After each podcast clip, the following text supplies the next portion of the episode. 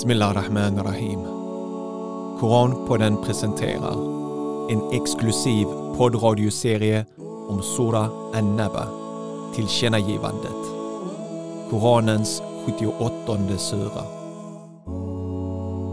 Med personliga reflektioner, vers för vers, av mig, Salih Tufekcioglu och Salim Nayar.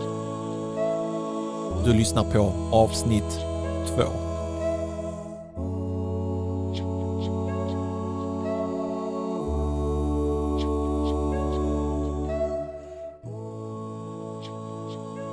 Alright, då så, då är vi här igen.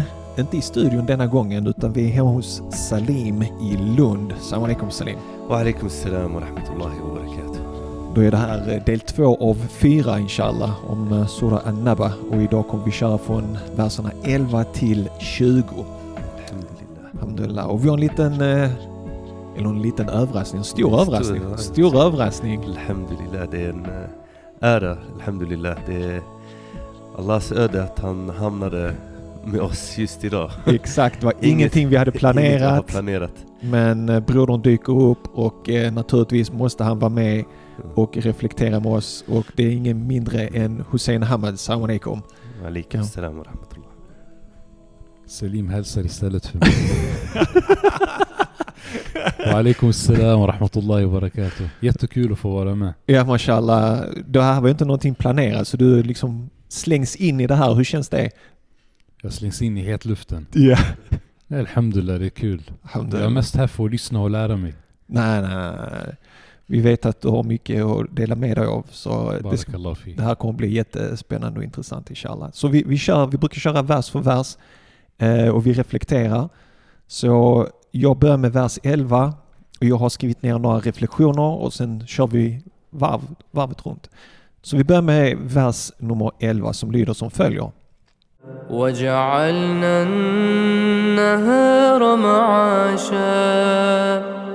Och dagen så att ni kan se att förtjäna ert bröd. Mm. Och jag reflekterade över denna, jag tänkte på den här att Allah har skapat, eller Gud har skapat dagen så att vi kan förtjäna vårt bröd, jobba, tjäna våra egna pengar, hur viktigt det är att vi är ekonomiskt oberoende från andra.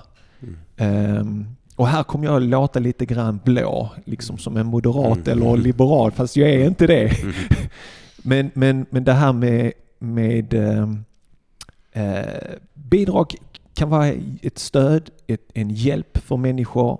Eh, men det får aldrig bli en status quo. Alltså att man nästan bara hamnar i ett bidragsberoende eh, och nöjer sig med det. Eh, utan i islam är det jätteviktigt att man förtjänar sitt eget levebröd. Och, ehm, det här är också viktigt i, i en, om vi tittar på organisatoriskt sätt. Mm. Ehm, Jag tänker på muslimska föreningar, organisationer, jag tänker på studieförbundet Ibn Rushd som får bidrag från kommunen, från staten och moskéer eller föreningar som får olika bidrag. Och hur man använder de här bidragen, Mm. kapar bidragen från föreningar vid minsta misstanke om att de har gjort någonting fel.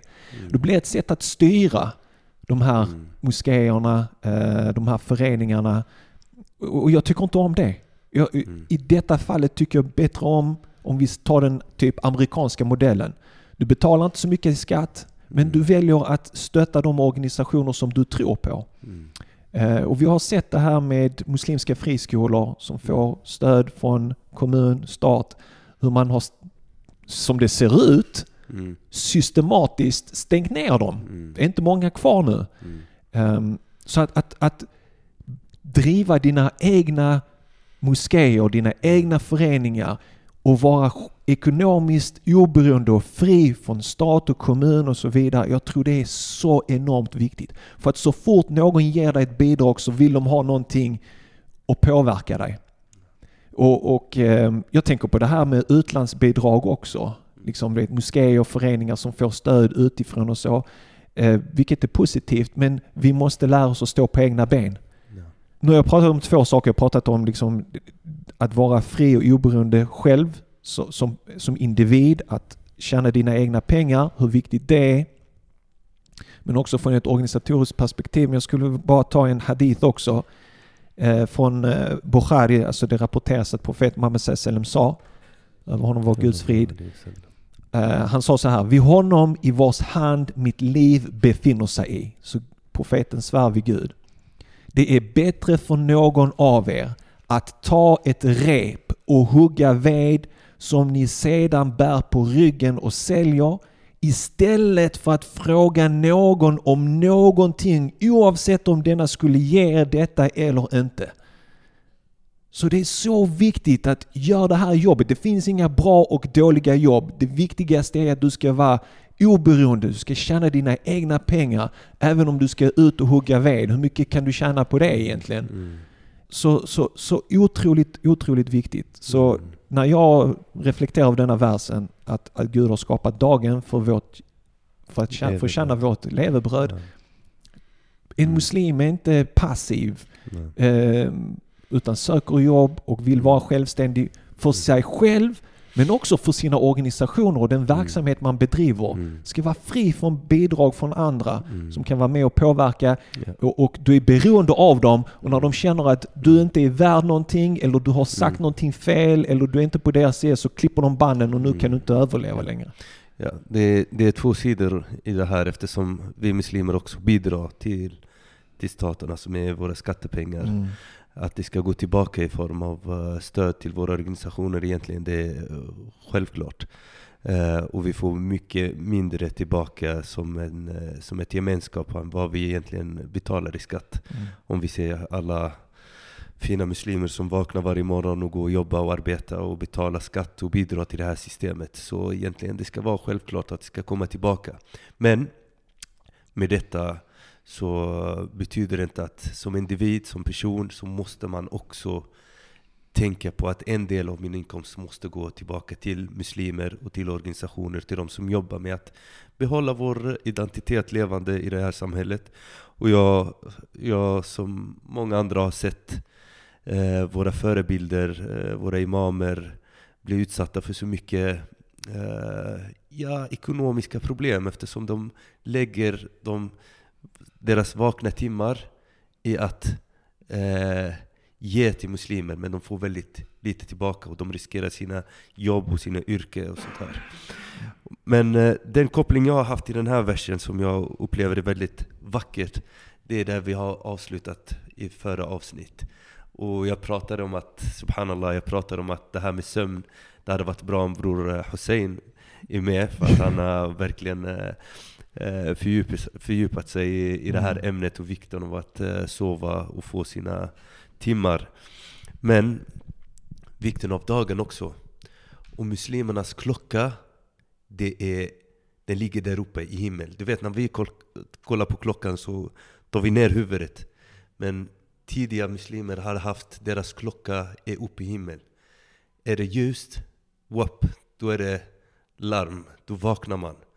Tidigt, man går och ber, man går till marknaden, man jobbar. Det är så otroligt viktigt att man är igång. Tills det kommer den här kailula, när det ja, måste man ta en liten sån här energi och så börja jobba igen. Och klockan säger till i himmel att nu är det dags att sova. Det fanns inte den lampor och belysning som finns, att den rubbar eh, vår klock, biologisk klocka. Mm. Och det är det som leder till mycket så, psykisk ohälsa tror jag, att vi har inte kopplingen till himmel. Mm. Och muslimerna hade koppling även så när det gäller månader. Alltså vi vet, vi kollar på månen så vet vi att det är, det är den här datum nu. Mm. De kunde exakt, visst, exakt den formen betyder att det är vid 13 Dhul-Hijjah eller Ramadan eller sånt här. Mm. Så det var den klockan var uppe i himmel. Mm. Och det är en oerhörd befrielse att man inte är så kopplad till en mobiltelefon, till en klocka. Mm. Eh, och du kan själv kanske berätta Salah, när, när man har lov eller sånt här så vill man inte ha mobilen eller klockan bredvid. Man Exakt. vill bara så vakna naturligt. Mm. Och det här att vakna med solen, Wallahi, yani det är det finaste upplevelse. Om man har verkligen sovit efter Isha, så som profeten eh, rekommenderade. Och kanske man, om man, är, om man är stark nog så har man vaknat innan eh, Fajr och har gjort sina eh, eh, Qiyam al-Layl.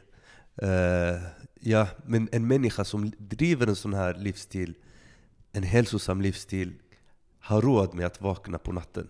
Men vi som, som sliter hela dagen och sen när det blir mörkt så är vi fortfarande vakna och jobbar. Det kanske inte, vi har inte den energi att kunna klara av Mm. det där. Så ljuset, det är en, egentligen en mirakel. Alltså en lampa som belyser hela jordklotet. Ja, där uppe som häng- hänger i atmosfären. Mm. Ja, det, det är omöjligt för en människa att säga att en LED-lampa har- är gjord av slump. Men den här lampan som sitter uppe i himlen och belyser hela vår universum kan vi säga att den har kommit av slump. La wallah, det, det, är, det är omöjligt. Det är en skapare som är Rahim, som är barmhärtig över sina tjänare, som har gjort det här systemet som gör att vi kommer till liv, växter kommer till liv på grund av den solen och eh, eh, vad kallas eh, när växterna ska, när de får sol? Eh, klorofin. Fotosyntesen och hela, ja vi är också som växter. Vi ser subhanallah när det, när det är vinter och de här korta dagar, hur trötta vi blir Mm. och sånt här. Sen så fort våren kommer och solen kommer så, så blir alla så helt plötsligt sociala och vill, Vakna och till vill liv. träffa. Ska vi se, Yes. eh, Hussein, har du några tankar, reflektioner kring den här versen? Eh, mina tankar handlar väldigt mycket om eh, gåvan att kunna ha en dag. Och gåv, alltså gåvan att kunna ha en natt. För Allah subhanahu wa ta'ala i de här verserna i surat al-Naba eh, när, han, eh, när Allah subhanahu wa ta'ala riktar vår uppmärksamhet till olika fenomen i hans skapelse som visar på hans eh, skapande kraft subhanahu wa ta'ala.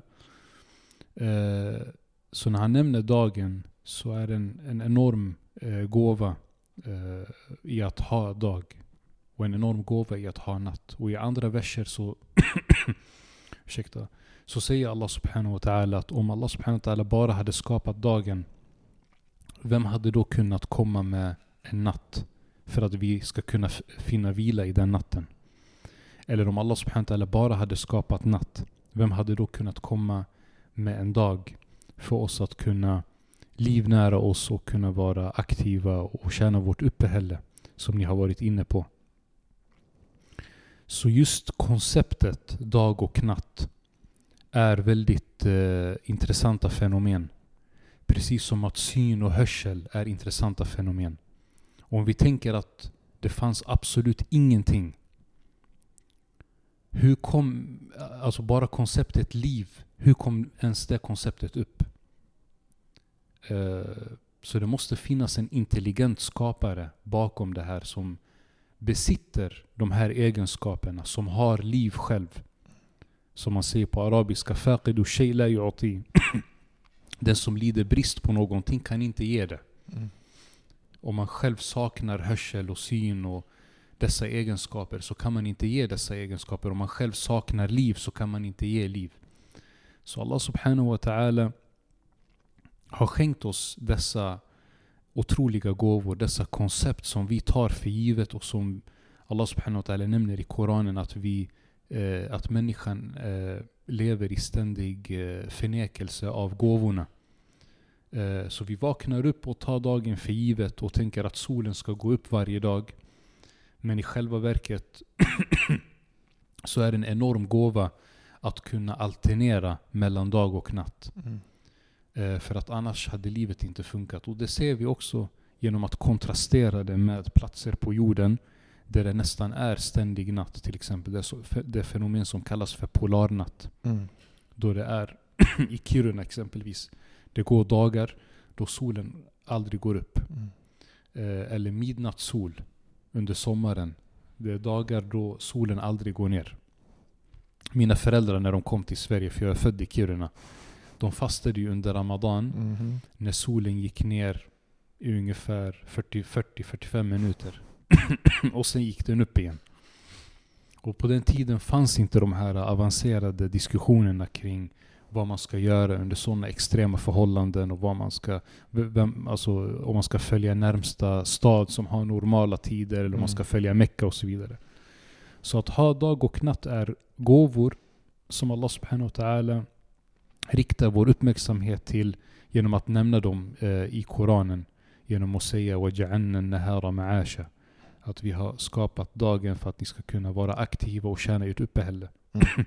och där finns det en, en eh, intressant forskare, han heter Andrew, Andrew Huberman, som har blivit väldigt eh, populär, som är neuroforskare. Har miljontals följare på sociala medier och en känd podcast. Och han säger ju att det som eh, determinerar eller avgör din energi under kommande dagar, det är hur mycket solljus du har utsatt dig för under dagens tidiga timmar.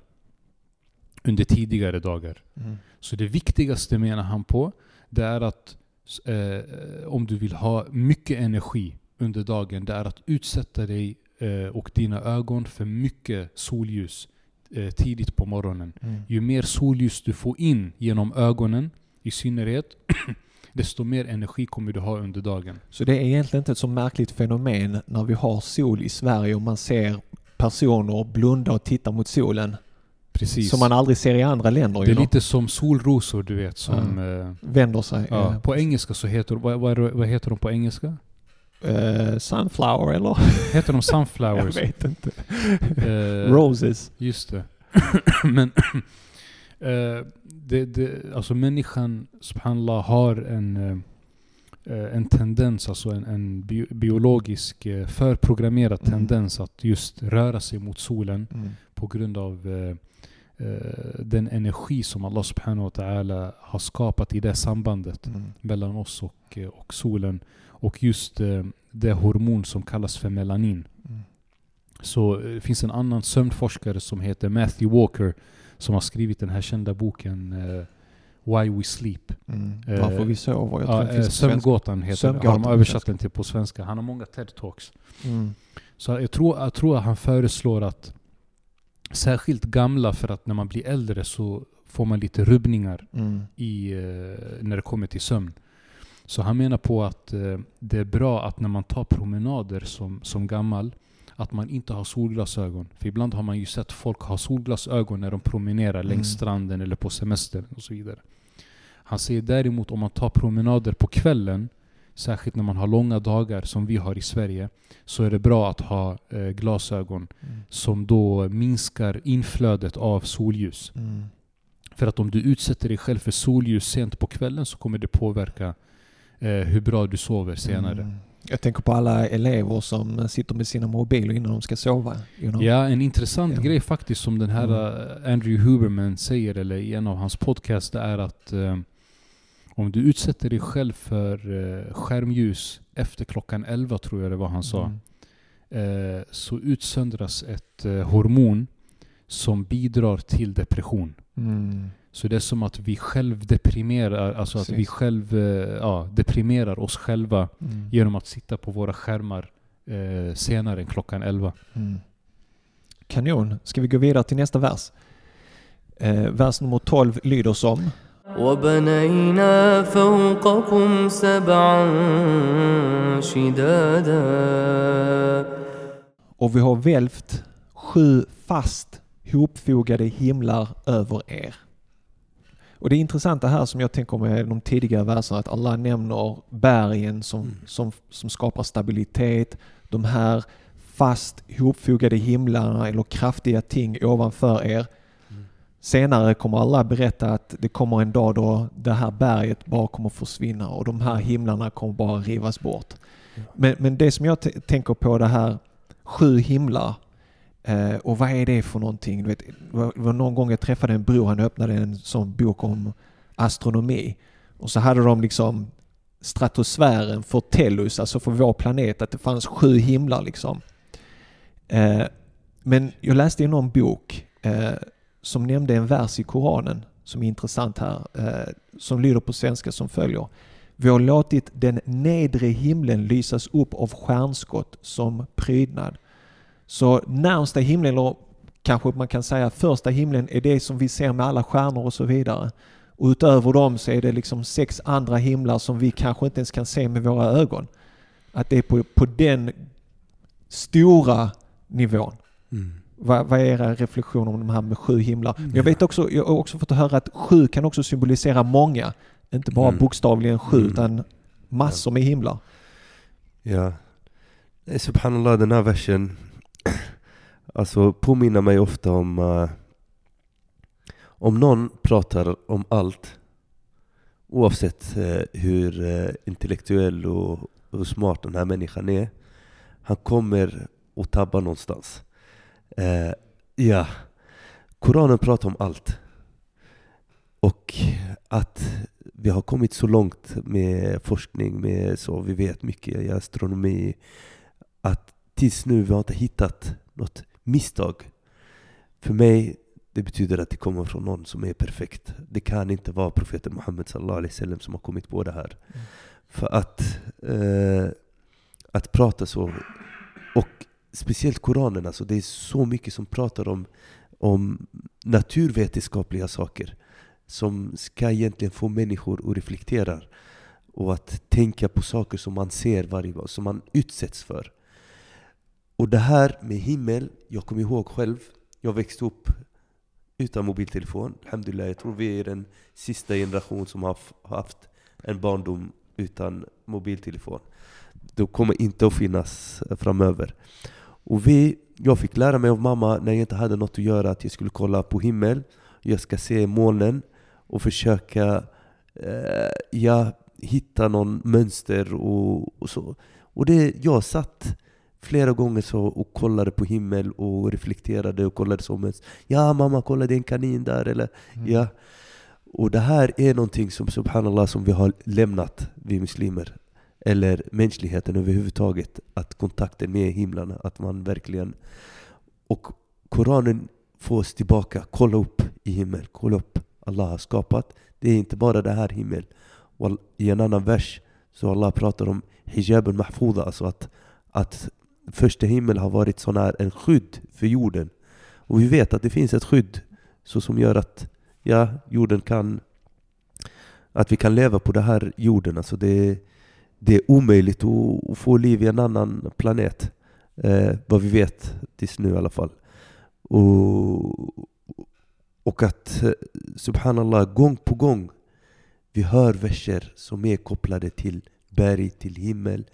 Det måste få en muslim att verkligen när han läser Koran, att det får honom direkt att tänka, ta ner huvudet från marken, från mobilen Mm. och verkligen gå tillbaka till att ha kontakt med, med himmel.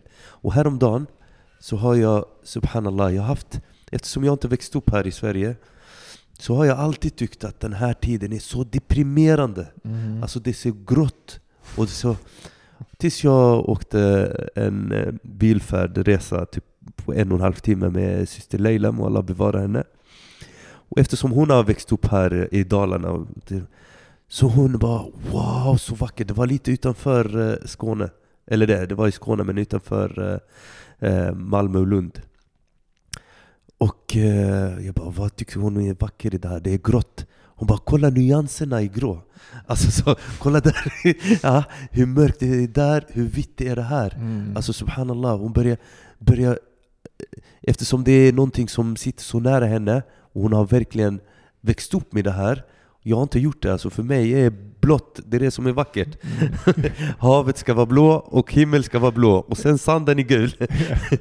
Så jag är också blågul på ett annat sätt. Ja. Men jag lovar dig, det handlar om inställning. Mm. har jag bytt den här inställningen, försökt att kolla med hennes ögon på det här gråa vädret Jag bara wow, det är verkligen vackert Mm. Och det är första gången jag fick uppleva skönheten eh, i en svensk vinter Mm. Och det här har också skett innan, alltså jag hade alltid problem med hösten Jag såg aldrig det här löv och färger orange och grön Jag Exakt. såg bara tänkte ah det är hösten, vinter kommer igen Hösten, Alltså, det finns ingen ja. sol. Det är det som är Ja det jobbiga. bara inställningen att ändra och börja kolla Det hjälpte mig i alla fall att kunna överleva Mm. Eh, hösten. Nu behöver jag mycket mer tid för att kunna överleva vintern. jag brukar eh, sticka med Bror Hussein någonstans. Vi åkte till eh, Spanien någon gång och det var så underbart. Även många passar Ja. på resan. Ja, men, eh, men det handlar om inställning. Ändrar vi inställning och verkligen, verkligen börja kolla uppåt i naturen så, så kan man eh, eh, må mycket bättre. Mm. Hussein, har du något du vill tillägga här också? Om himlarna? Ehm, inget faktiskt mer än det ni har sagt. Må Allah Mm. er. Det var mashallah fina reflektioner. Men jag, jag skulle vilja bara kort, reflek kort reflektera kring eh, att Allah subhanahu pratar om att de här himlarna, eh, att de är fasta. Mm. Allah, Allah beskriver dem som shidada. Från ordet shidda. Alltså att de är byggda med, eh, med stor kraft. Och i en annan vers så säger Allah subhanahu wa ta'ala وَالسَّمَاءَ بَنَيْنَاهَا بِأَيْدٍ وَإِنَّا لَمُوسِعُونَ Så Allah subhanahu wa ta'ala säger att och himlen har vi byggt med stor kraft. وَالسَّمَاءَ بَنَي- بَنَيْنَاهَا بِأَيْدٍ وَإِنَّا لَمُوسِعُونَ och vi expanderar himmelen. Vilket har bekräftats av eh, forskningen inom astronomin. Att universum expanderar. Mm. Och att eh, denna expansion sen kommer leda till en eh, slags slutpunkt och sen kommer, kommer det börja, eh, kommer det börja med en, alltså påbörjas en regression. Det som kallas för Big Crunch. Precis. Om du har Big Bang som är, som är expansionen så blir det Precis. Big Crunch Precis, tillbaka. precis. Uh, och Allahu alam hur, Allah, Allah beskriver ju när domedagen verkställs. Mm. Mhm. Att han rullar ihop himlarna. Som pergamentrullar. Precis som perga, pergamentrullar. Som om de vore sådana här rullskriftsblad eller vad man Mm. kallar det för. Så Allah subhanahu wa ta'ala eh, han, han, han beskriver just att de här himlarna att han har byggt dem med stor kraft. Men eftersom han är så allsmäktig så kan han eh, eh, rasera dem eh, lika enkelt som, som han har byggt upp dem. Mm. Eh, subhanahu wa ta'ala. Och en annan viktig sak är att Allah subhanahu wa ta'ala har byggt universum med stor kraft och galaxerna och planeterna och stjärnorna är så otroligt vackra. Eh, men paradiset är ännu vackrare. Mm. Så när man tänker på Al-Firdaus al-A'la eh, och paradiset så är det troligtvis eh, ännu vackrare. Och som profeten Islam beskriver i en, i en, eller som han återberättar i en hadith Qudsi, det vill säga han återberättar från Allah subhanahu wa ta'ala att Allah har förberett för sina troende tjänare det som ett öga aldrig har skådat och det som ett öra aldrig har hört talas om och det som inte ens en människa med sin vildaste fantasi har kunnat föreställa sig. Så eh, må Allah förena oss i paradiset. Amen. Eh, Vi går vidare till nästa vers och det är vers nummer 13. Och där säger, eh, och den versen lyder som följer. وجعلنا سراجا وهاجا Och där skapat en vitglödande lampa. Jag gjorde några anteckningar här. Just dimensionerna med solen. det är 150 miljoner kilometer från solen till jorden. Och om solen var ihålig hade den kunnat fyllas med 960 000 jordklot. Bara så man får en bild av det här eh, vitglödande lampan. Eh, och sen finns det också en, en, eh, en händelse under profeten Muhammed Sallams tid som hade med solen att göra. Ni känner säkert till den men jag tänkte jag, jag läser den ändå. Solen förmörkades under Allahs sändebuds livstid den dag då hans son Ibrahim dog. Så folket sa att solen hade förmörknats på grund av Ibrahims död. Eh, Guds sändebud sa Solen och månen förmörkar inte på grund av någons död eller liv, det vill säga födelse. När du ser för förmörkelsen, be och åkalla Gud. Och jag tycker det är också så vackert som visar på profeten Muhammed ödmjukhet, autenticitet. Han skulle kunna använda den här händelsen och bara ja absolut, titta solförmörkelse, min son har gått bort. Varje solförmörkelse ska ni be för min sons död eller komma ihåg honom eller komma ihåg. Men han bara säger de här fenomenen sker inte på grund av att människor dör eller att de föds. När du ser det här, det här är ett mirakel från Gud, be till honom och åkalla Allah. Um, vad är dina reflektioner kring den här versen 13 och där skapat en vitglödande lampa? Vi börjar med Hussein denna gången. Jag tycker det är jättefint att du tar upp just den här händelsen med Ibrahim, profeten Ali Salams son. Och eh, eh just hans eh, död och kopplingen till eh, naturfenomen som just solförmörkelse. Eh, för att profeten Ali Salam som Allah subhanahu wa ta'ala beskriver honom i Koranen. Allah ja, i surat al-Kawthar, eh, i surat al-Takwir eh, så säger Allah subhanahu wa ta'ala وَمَا هُوَ عَلَى الْغَيْبِ بِضَنِينَ Att profeten Ali Salam han snålar inte med eh, ilmul ghaib.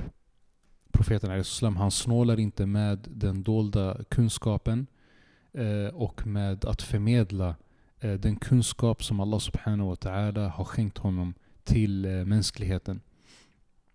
Och att profeten Ali Salam är väldigt ansvarsfull beskrivs han som med att förmedla exakt det Allah subhanahu wa ta'ala vill av honom att han ska förmedla. Och där var profeten Ali Salam väldigt noggrann i denna situation och i många andra situationer med att korrigera och rätta till vissa föreställningar och uppfattningar som människor hade eh, där de kunde överdriva hans eh, status och position. Så när han hörde en ung tjej, tror jag det var, hon slog på, på den här trumman Def Mm. och sjöng en, en, en, en, en poesi, alltså en strof där hon sa وَفِينَ نَبِيٌّ يَعْلَمُ مَا فِي غَدِي Hon sa och bland oss så finns en profet som känner till kunskapen om morgondagen Mm. eller som vet vad som kommer inträffa under morgondagen. Så profeten Muhammed sallam stoppade henne och korrigerade och sa nej, sjung inte så här utan byt ut det här mot någonting annat. Mm. För att jag har inte den ultimata kunskapen om vad som kommer inträffa under morgondagen. Mm. Utan jag får bara uppenbarelse från, från Allah subhanahu wa ta'ala och eh, ja, erhåller den kunskapen som jag får ifrån Allah. Mm. Men den ultimata kunskapen, den dolda kunskapen, känner bara Allah subhanahu wa ta'ala till. Och alla dessa exempel är ju så, precis som du var inne på, bevis på profeten Muhammed sallam sanna profetskap. Eh, vilket också nämns av eh, eh, det finns en känd författare som heter Sheikh Mohammed Abdullah Draz som har skrivit en bok som heter An-Nabu al-Azim. På engelska är den översatt till uh, the, the, Eternal, uh, the Eternal Challenge. En väldigt vacker bok uh, om Koranens sanna, alltså att Koran, sanna autenticitet och källriktighet. Att Koranen alltså kommer ifrån Allah subhanahu wa ta'ala. Och då nämns sådana här exempel. Att profeten Muhammed sallam till exempel i väldigt svåra situationer där andra människor och folkgrupper krävde honom på svar eh, så, så kunde uppenbarelsen eh, hållas tillbaka. Han fick ingen uppenbarelse på, i, på flera veckor eller i flera månader ibland. Och eh, hade profeten sallam diktat ihop denna Koran eller någon annan så hade man baserat på händelser eller situation kunnat komma med svar eh, Eh, under väldigt eh, kärva och svåra situationer.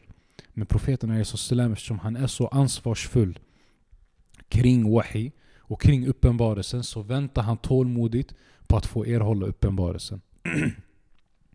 Men tillbaka till just versen eh, så har Selim mashallah varit inne på att den här solen är en enorm gåva ifrån Allah subhanahu wa ta'ala. Och att just det här med att om solen hade varit Alltså jag vet inte exakt hur nära men hade varit lite närmare Ja. så hade liksom jorden bara gått upp i Precis. eld. Så det handlar om Mm. minutiösa eh, detaljer och kalkyleringar som visar på Allah subhanahu wa ta'alas storhet. Att om solen hade varit lite närmare så hade inte liv existerat. Hade, den varit lite, hade avståndet varit lite större så hade inget liv existerat. Mm. Så Allah subhanahu wa ta'ala förberedde denna planet för människans ankomst och för ett syfte som är att vi ska dyrka Allah subhanahu wa ta'ala. Salim, vill du tillägga något kring den här versen? Ja, subhanallah. Eh, jag tänker mest på det här värme, alltså solen, vi pratar mycket om belysning men också värme. Det är de två sakerna som ger liv i, eh, i all växter och, Uh, och vi är också i stort behov av både värme och ljuset.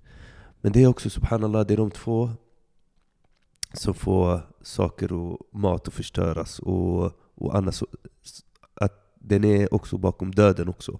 Till, så subhanallah, solen direkt när man tänker på solen, det är någonting som dras till liv. Alltså det är det, värmen och ljuset och sånt här. Men det är också det som påminner oss att det finns en död. Eh, och det är därför jag tänker, det är många som i många civilisationer så har de dyrk, dyrkat solen. Och Ibrahim salam han dyrkade typ för några få stunder. Sen han direkt när han såg solen försvinna, han sa jag vill inte be till någonting som dyker upp och försvinner igen. Men reflektionen bakom det är att man kan se storheten av solen och hur mycket den ger oss. Men ibland missar man skaparen av solen. Det är det som subhanallah vi behöver. Vi får det här lite smak av det här är så stort.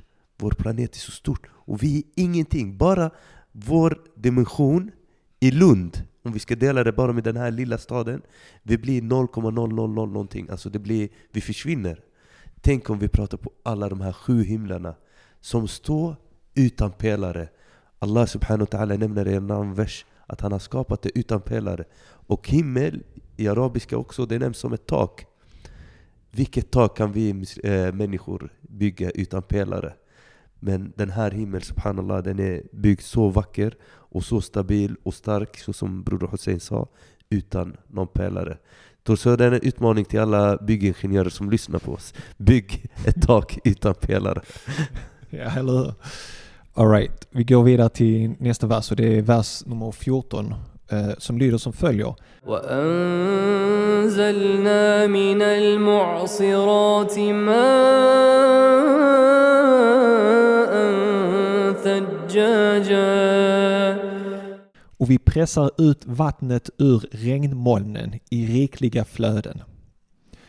Och jag reflekterade kring det här med vatten och det här att det regnar eh, och det, när, när saker och ting nämns i Koranen så finns ju den yttre innebörden men det finns också en inre innebörd av vatten som regnar. Och jag hittade flera intressanta uttalanden av profeten över honom var Guds frid om just vatten. I Tirmidhi Hadith-samling så finns följande uttalande. Liknelsen om min nation är som regnet. Man vet inte om den första delen är den bästa eller den sista.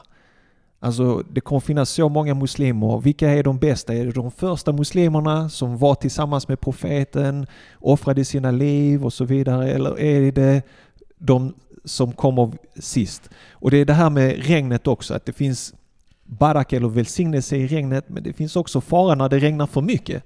Och eh, Aisha rapporterade när Allahs sändebud, frid och välsignelse var över honom, såg regn så sa han Åh Allah, gör det här till ett välgörande skyfall. Han brukade be för det, för det goda av det här regnet så att det inte regnar för mycket, för det hände också. Precis. Sojiben nafi'an. Vill du ta det innan? För jag har en lång hadith om just med regn. Nej nej, jag ville bara säga. Ah. Okay. Yes. den dua man säger, när- till exempel nu i Mecka, Mm.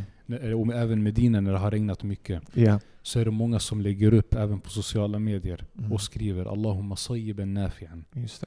Och det är det, det där profeten brukade säga när det Mm. regnade. Precis som du sa. Och sen finns det också en jättefin liknelse som profeten ger över regnet och kunskap och vägledning. Och det här är en, ett uttalande som finns i Bukhari och Muslim. Så den är väldigt autentisk. Profeten sa Sannoliken, liknelsen om vägledning och kunskap som Allah den allsmäktige skickade med mig, med, mig med är liknelsen av regn som faller över jorden. Bland dem finns en sund grupp som tar emot vattnet och därmed växer det rikligt med örter och gräs. Bland dem finns ett kargt, kargt, kargt land som behåller vattnet och på så sätt gynnar alla människor från det. De dricker av det och låter sina djur beta.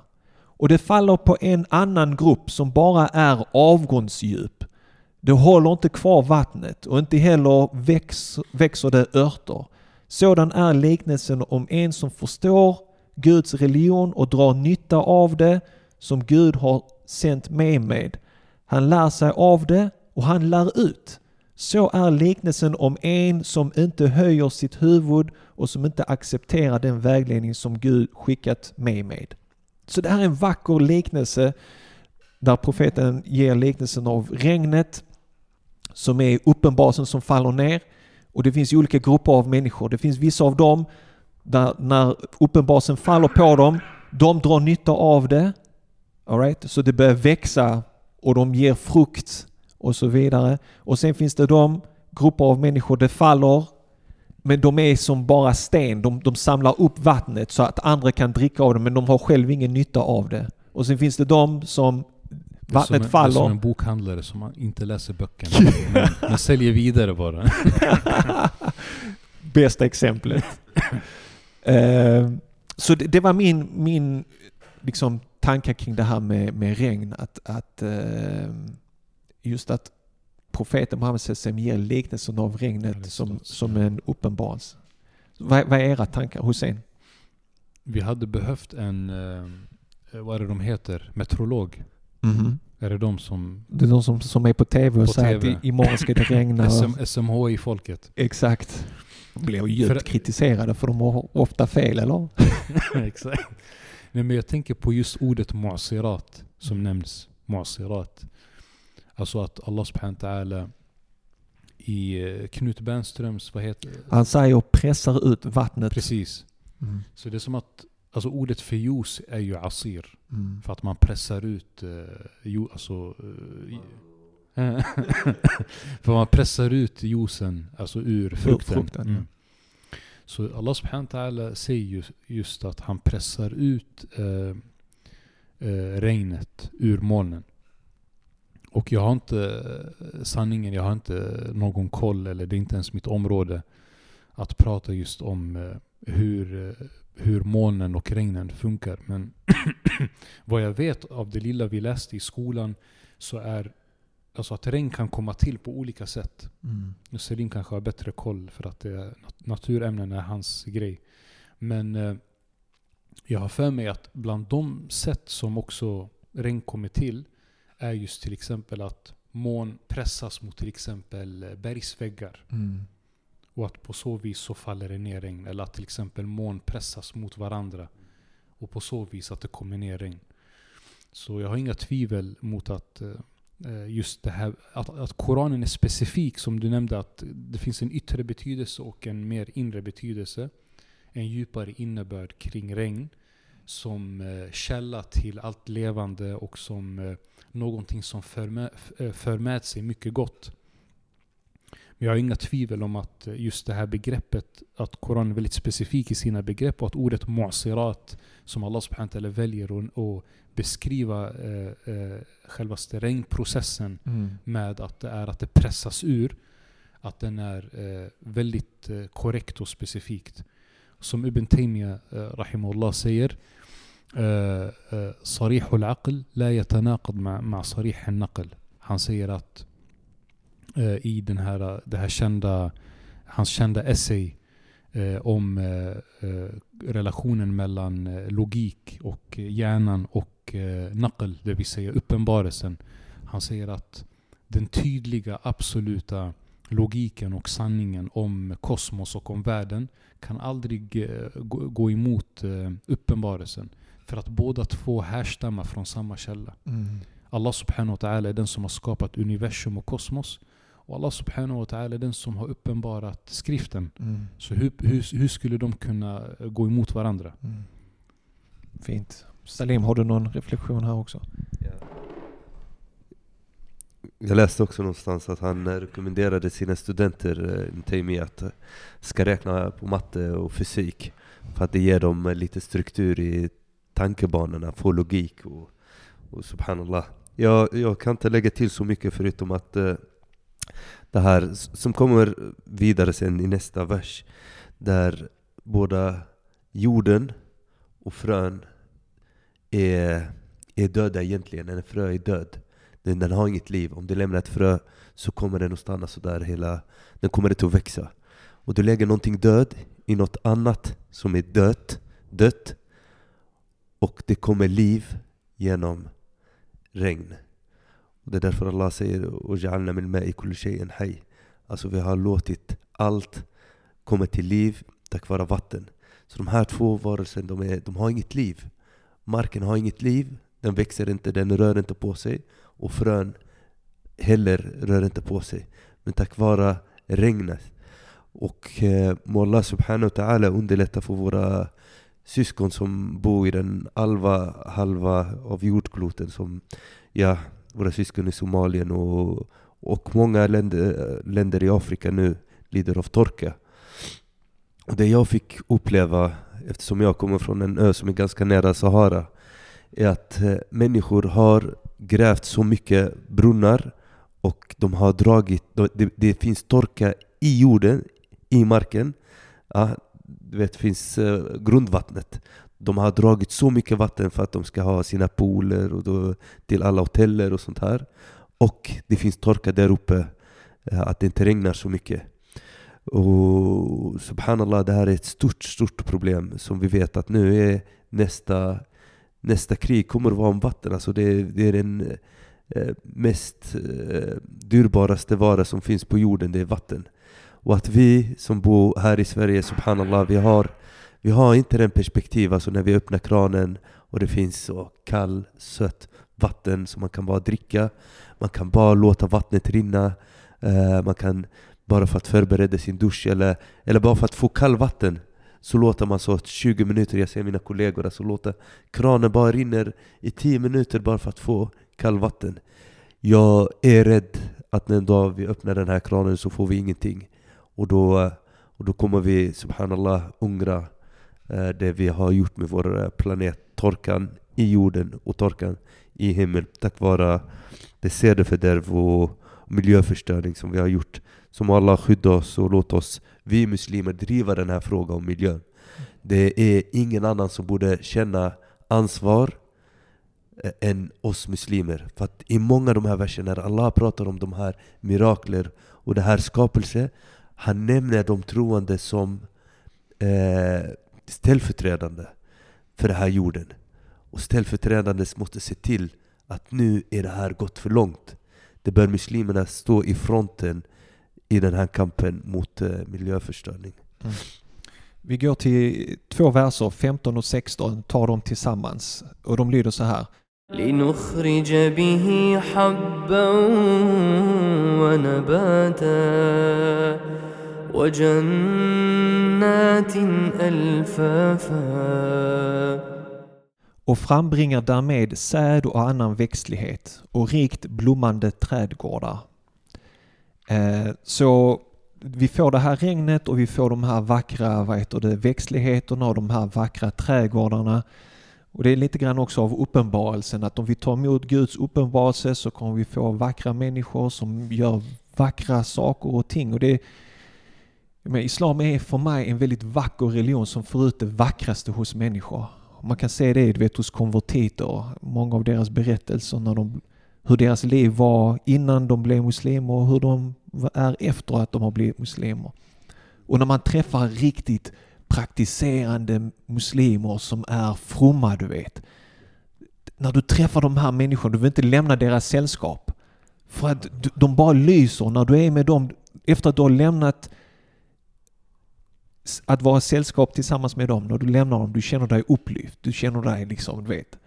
Eh, och det är någonting jättevackert att se. Och ibland så, du vet, jag hoppas av allt det man läser, man reflekterar, att det genererar goda handlingar. Och ibland gör man saker och ting som är vackert för andra människor och de kan tacka dig, right? För att du har gjort någonting fint. Sen när du går hem och reflekterar så tänker du, de tackar mig för den här handlingen, men den, den är egentligen inte jag. Det här är egentligen från profeten Muhammed, över honom var Guds frid. Det här är hans arv som reflekterar sig i mina handlingar. Och du vet, ibland tänker jag så, vet, icke-muslimer, kollegor, elever, du vet som ah, tack för det här Sally. Du vet, och de är helt omedvetna om att det, den de egentligen tackar är profeten Muhammed. För att det Mm. som de fick uppleva av mig, det är inte från mig, det är som jag har lärt mig från honom. Mm. Hans värme, hans omtänksamhet. Ja?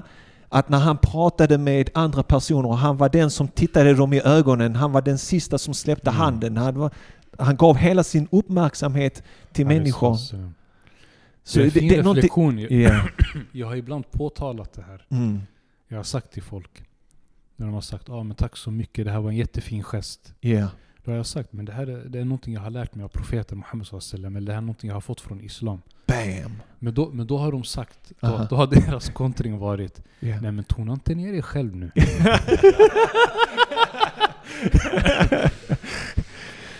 Då har de, de, de har typ, jag tror Ja. det är lite det här individualistiska. Mm. Ehm, du kanske känner till den här boken, eh, jag tror hon heter eh, Udovic, som skrev den här boken Generation Ego. Mm. Ja, jag känner, känner igen... Hon, hon eh, pratade om, om individualismen och särskilt i skolan. Mm. Eh, och eh, det här med jag AB. Särskilt idag så är det väldigt mycket jag AB. Alltså att varje människa ser sig själv som ett företag. Aktie, aktiebolag. Ja, som ett aktiebolag och typ ska marknadsföra sig själv. Yes. Och det är väldigt på sociala medier. Alla jobbar på Mm. att alla jobbar på sin egen marketing. Exakt. Ehm, så jag tror det är en kombination av det och att man inte riktigt vill känna, kännas vid att härleda det här fina till någonting man har fördomar kring. Mm. Som är profeten Muhammed och Islam. Utan tänka att det här är sprunget ur eh, den här personens godhet och vilja.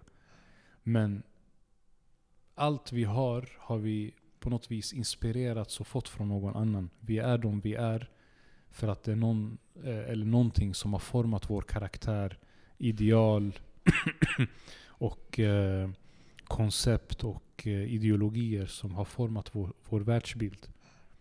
Och utan tvekan, det finaste och det vackraste är profeten Muhammed wasallams vägledning. Salim, har du något du vill tillägga?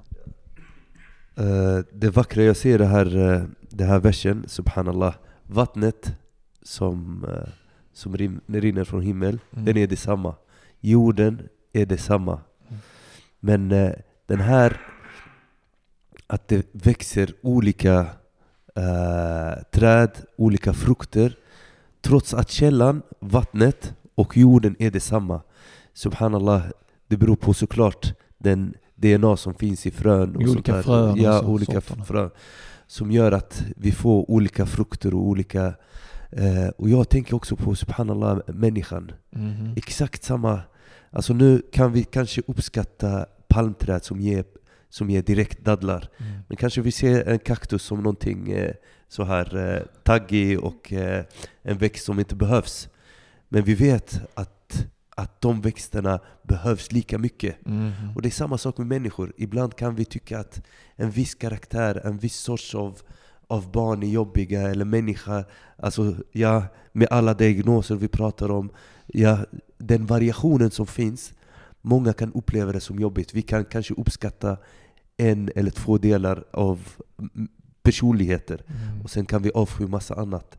Men den här variationen, den är så, subhanallah, den är så vacker. Båda när vi pratar om växter och när vi pratar om människor. Allah har skapat variation och vi människor har svårt, ibland vi vill förminska den här Mm. variationen. Nej, man måste vara på ett visst sätt. Exakt. Tänk om vi hade bara eh, dadlar, Mhm. och en sorts dadlar. Alltså hur många dadlarsorter finns det? Subhanallah.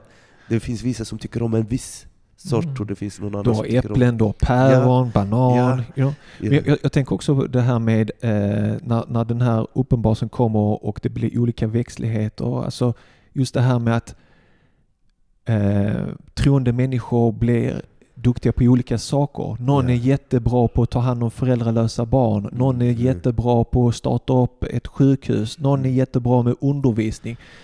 Och, det, och, och faran finns när man tror att ens Mm. egen det arbsa, bästa? arb, ar- Mm. verksamhet är den Ja, bästa och att bästa. alla borde Ja, göra det ja, jag ja, gör för nej. min dawa är den bästa Ja, dawan. ja. Alltså hänger de med? Mm. Min konst är den bästa konsten Ja. och så vidare. Vi behöver mångfalden. Ja, och, och det som är också vackert som jag tänker på när jag läser den här versen Ja, jag, jag vet inte slutsatsen, ni kan kolla upp det, men Allah subhanahu wa ta'ala när han pratar om det världsliga, maten som finns i det världsliga, det är ofta grönt faktiskt. Det är ofta veget, eh, vegetarisk. Ja. Och såklart, yani, det ingår i det muslimska att vi äter också kött och sånt här. Men, och så fort man pratar om paradiset, lahmi tayrun mimma yashtahun, alltså då, då är det ofta så här, kött. Och, det, och Ben Israel, när de bad om en är Eh? Måltid. måltid, så var det thumiha och foliha och adessia, alltså de ville ha vitlök och eh, eh, linser och eh, så.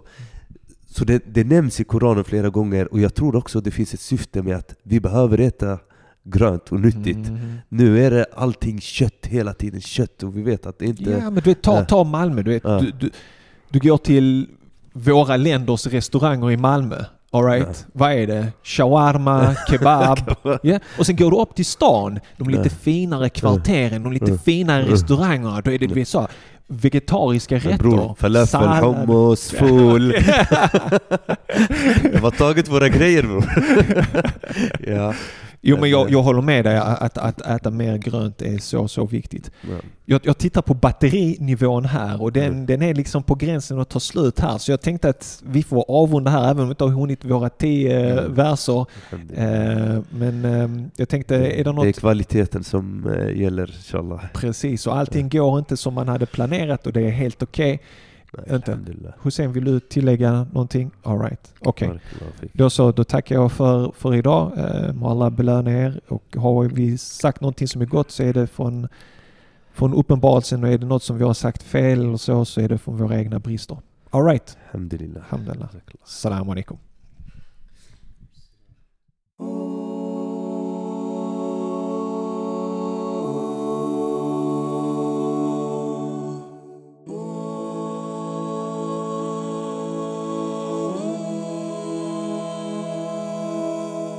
Du har lyssnat på andra avsnittet i vår nya poddradioserie om Sura An-Naba. Med personliga reflektioner, vers för vers, av Sali och Salim. Sura An-Naba, tillkännagivandet, är Koranens 78 sura, var i vi får ta del av budskapet om människans liv efter den fysiska döden, det vill säga uppståndelsen, och Guds yttersta dom. Nästa vecka fortsätter serien. Eventuella frågor, kommentarer eller funderingar över seriens innehåll tas emot via mail. Maila till hejkoranpodden.se